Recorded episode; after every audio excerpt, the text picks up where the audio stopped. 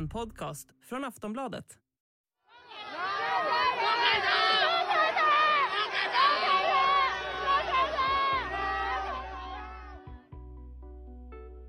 Ja, så här lät det i Wuhan i Kina häromdagen. Protesterna, som är de första stora sedan Xi Jinping tog över makten för tio år sedan, bara växer och riktas mot landets stenhårda covid-restriktioner och noll-covid-policyn som innebär att varje nytt smittofall leder till nedstängning.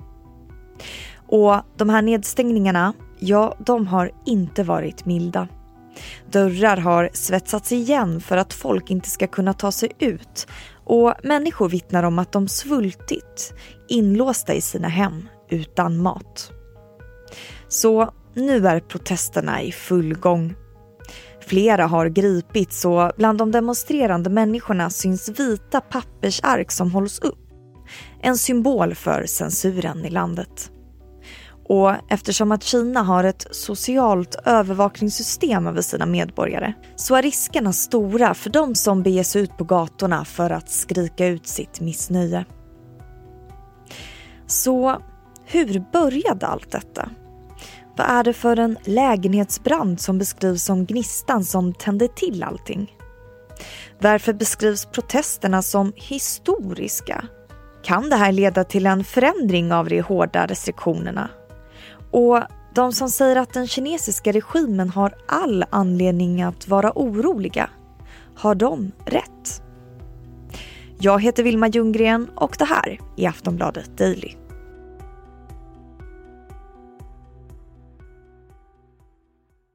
Framför mig här i studion har jag Wolfgang Hansson, utrikespolitisk kommentator här på Aftonbladet. Han får börja med att berätta hur demonstrationerna startade. Det verkar som att den utlösande faktorn för de här demonstrationerna eh, var en brand i eh, ett bostadshus i Urumqi som ligger i eh, västra eh, Kina, ganska långt bort från Peking. Eh, där eh, brandkåren inte hann fram för att rädda alla de som bodde i huset. Det var tio stycken som dog, varav tre barn. Och det verkar ha upprört folk eh, eftersom Eh, enligt ryktena i alla fall så är det så att eh, skälet till att brandkåren inte hann fram var covid-restriktionerna eh, och det sägs till och med att det kan ha varit så att de som bodde i det här huset var inlåsta, att man hade liksom svetsat igen eh, ingångarna som man ju gör ibland i Kina för att tvinga folk att stanna inomhus. Eh, det säger man från officiellt håll att det stämmer inte men det vet vi ju ingenting om eftersom det är på grund av censuren i Kina så är ju alla sådana här uppgifter väldigt osäkra eh, vad som egentligen har hänt. Men det verkar ha, ha varit liksom droppen som fick bägaren att rinna över för ett antal kineser i alla fall. Hur ser coronarestriktionerna ut i Kina just nu? Ja, de är ju väldigt hårda och de har ju varit väldigt hårda länge. Eh, det är ju så att så fort det upptäcks ett enda fall någonstans så stänger man ner en hel stad eller en hel, hela kvarter Ehm, hela arbetsplatser. Eh, och det var ju till och med så för någon vecka sedan att då var ju personalen på en iPhone-fabrik i södra Kina, de var ju tvungna att övernatta på sina arbeten för att de fick inte gå därifrån på grund av att flera personer eh, i, bland medarbetarna hade, varit, eh, hade fått covid.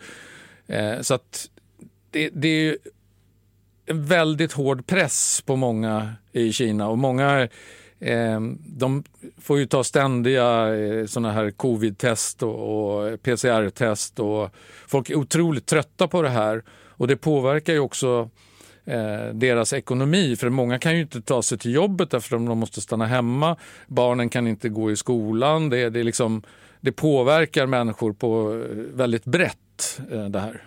Och hur mycket corona är det då, alltså själva viruset? Ja, alltså de här senaste dagarna nu så har de ju uppmätt eh, runt 40 000 fall per dag, vilket ju kanske inte låter så mycket för ett jätteland som Kina. Eh, men det är ändå rekordsiffror och de ökar hela tiden. Och det är klart att nu står vi ju inför vintern eh, även i Kina.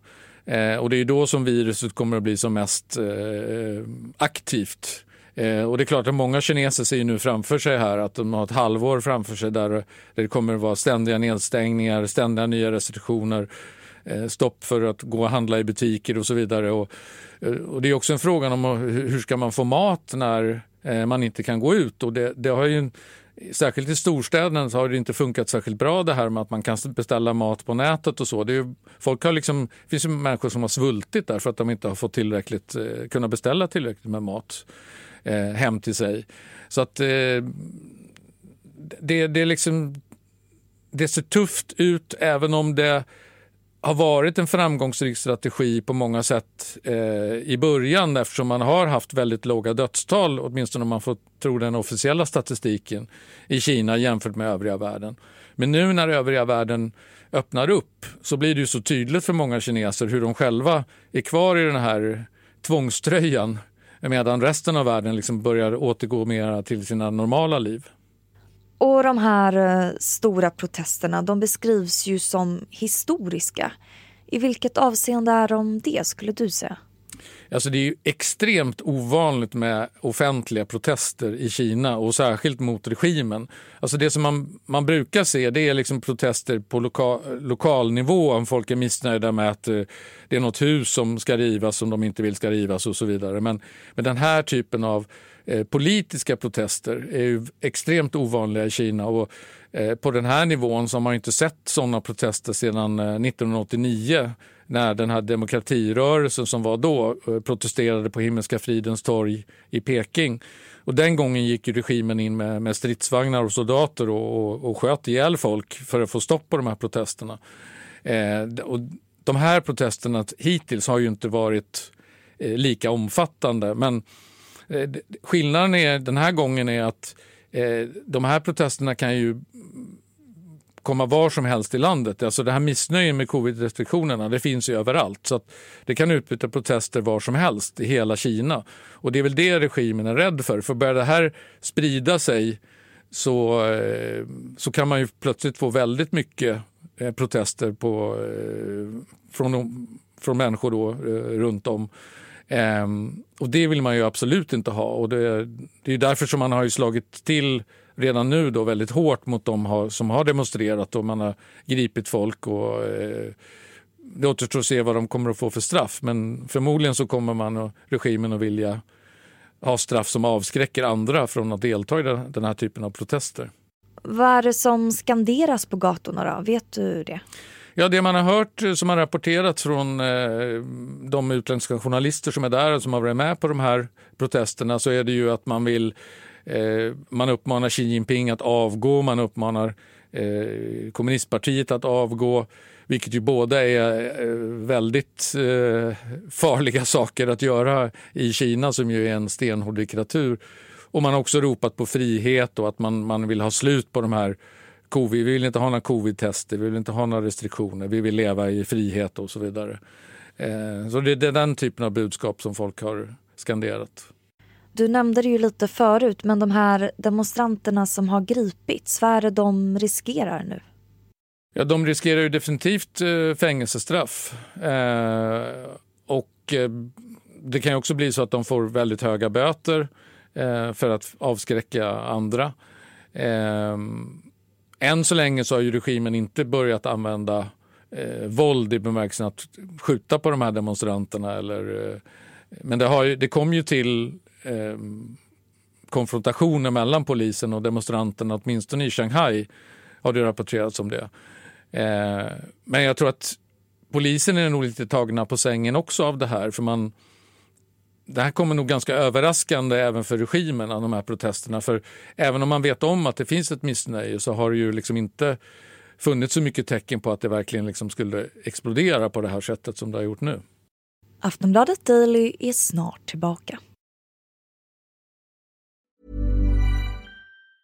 Normally, being a little extra can be a bit much, but when it comes to healthcare, it pays to be extra. And United Healthcare makes it easy with Health Protector Guard fixed indemnity insurance plans. Underwritten by Golden Rule Insurance Company, they supplement your primary plan, helping you manage out of pocket costs without the usual requirements and restrictions like deductibles and enrollment periods. So when it comes to covering your medical bills, you can feel good about being a little extra. Visit uh1.com to find the Health Protector Guard plan for you.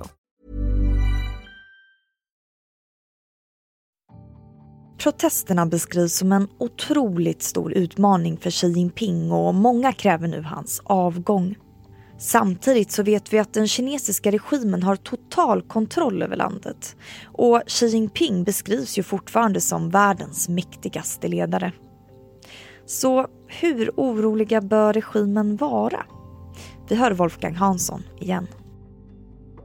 Jag tror nog att de är lite oroliga, men jag tror inte att de är oroliga i bemärkelsen att de kommer att tappa kontrollen. Därför att, eh, jag menar, Xi Jinping han har ju hela statens fulla eh, kraft och maktapparat bakom sig. Eh, det är ju bara någon månad sedan han blev omvald för fem nya år som, som president och han, han har total kontroll över kommunistpartiet och alla dess funktionärer och, och de, de är ju spridda över hela landet. Det finns ju människor från kommunistpartiet i varenda bostadsområde liksom, som är med och organiserar och kontrollerar folk. Och man har ju också en väldigt omfattande kontrollapparat i Kina med sådana här appar som man har använt inte minst under pandemin då för att du ska kunna visa att du är vaccinerad, du ska kunna visa att du är, inte har covid och så vidare. Så att eh, det är en varningssignal skulle jag säga till regimen att det, trots att man har den här kontrollen och eh, som man tycker då total kontroll över hela samhället så, så, så kan det dyka upp den här typen av missnöjesyttringar om man inte liksom försöker anpassa sig efter folk. Och här, här eh, är det ju så nu att det, det finns ett uppenbart starkt missnöje med den här nolltoleransen mot covid. Och frågan är ju hur länge Xi Jinping kan hålla på eh, och driva den här politiken. Eh, därför att det påverkar ju också landet ekonomiskt. Tillväxten i Kina har ju skrivits ner nu på, på grund av den här covid-politiken. Så att det finns ju risk att missnöjet växer om, om han inte ändrar på politiken.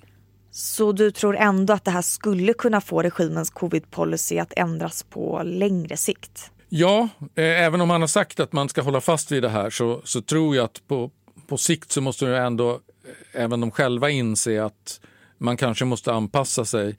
Eh, och egentligen är det ju ganska onödigt det som, det som sker för att om man bara importerade vacciner från eh, eh, västvärlden som, som ju har visat sig vara ganska effektiva så skulle man ju kunna vaccinera en stor del av kineserna och så skulle man kunna släppa det lite mer fritt utan att det, en massa människor dör eller hamnar på sjukhus. För det är det regimen är rädd för. Det är ju liksom att om man släpper på den här nolltoleransen så ska det bli överbelagt på eh, intensivvårdsavdelningar, att man inte har tillräckligt med intensivvårdsplatser och att eh, man har en stor äldre befolkning och att många människor skulle dö. Det är ju det som är själva grunden till att man inte vill släppa nolltoleransen, att man är orolig för vad som skulle hända. Vissa beskriver ju Kinas covid-policy som ett fiasko. Skulle du hålla med? Nej, det skulle jag inte hålla med om. Alltså I början så var det ju otroligt framgångsrikt. Det var ju stenhårt men framgångsrikt. Det, och det är bara i ett land eh, där regimen har total kontroll som man kan, som man kan ha, tillämpa en sån hård politik som man gjorde. Där man ju, vi såg ju tv-bilder hur man svetsade igen dörrarna till folks hem så att de inte skulle kunna gå ut. Och det är ju ingenting som man skulle acceptera i västvärlden. Men det var ju väldigt effektivt på så sätt att det fick stopp på smittspridningen och det var förhållandevis få kineser som dog eh, trots att det var i Kina som viruset hade sitt ursprung. Nu är ju inte liksom kineserna lika nöjda längre med den här politiken. Men eh, jag skulle inte kalla den ett fiasko. Men den kan ju bli det längre fram om, om inte eh, Xi Jinping och kommunistpartiet lyckas hitta en lösning på den här problematiken. Därför att eh, eh det kommer ju som sagt att påverka ekonomin väldigt mycket. Eh, och någonting måste man ju göra för att öppna upp samhället igen. Man kan ju inte år efter år eh, ha samhället till hälften stängt och, och gränserna också nästan mer eller mindre stängda. Hur tror du att det här kommer att sluta? Jag tror det kommer att sluta med att regimen kommer att slå ner de här protesterna. Eh, missnöjet kommer att finnas kvar men, men man kommer inte kunna gå ut på gatorna så här eh, längre därför att man, kommer, riskerna kommer att vara för stora.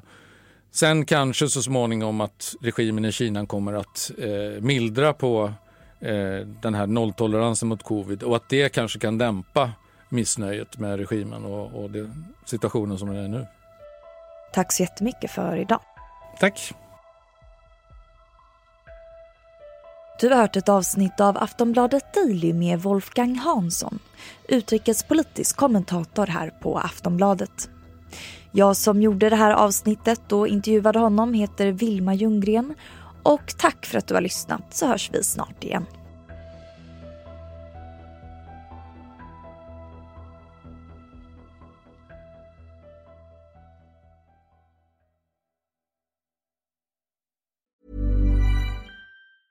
Normally, being a little extra can be a bit much, but when it comes to healthcare, it pays to be extra. And United Healthcare makes it easy with Health Protector Guard fixed indemnity insurance plans. Underwritten by Golden Rule Insurance Company, they supplement your primary plan, helping you manage out of pocket costs without the usual requirements and restrictions like deductibles and enrollment periods. So when it comes to covering your medical bills, you can feel good about being a little extra. Visit uh1.com to find the Health Protector Guard plan for you. Du har lyssnat på en podcast från Aftonbladet. Ansvarig utgivare är Lena K Samuelsson. Tired of ads barging into your favorite news podcasts? Good news. Ad-free listening is available on Amazon Music. For all the music plus top podcasts included with your Prime membership. Stay up to date on everything newsworthy by downloading the Amazon Music app for free or go to amazon.com slash news ad free. That's amazon.com slash news ad free to catch up on the latest episodes without the ads.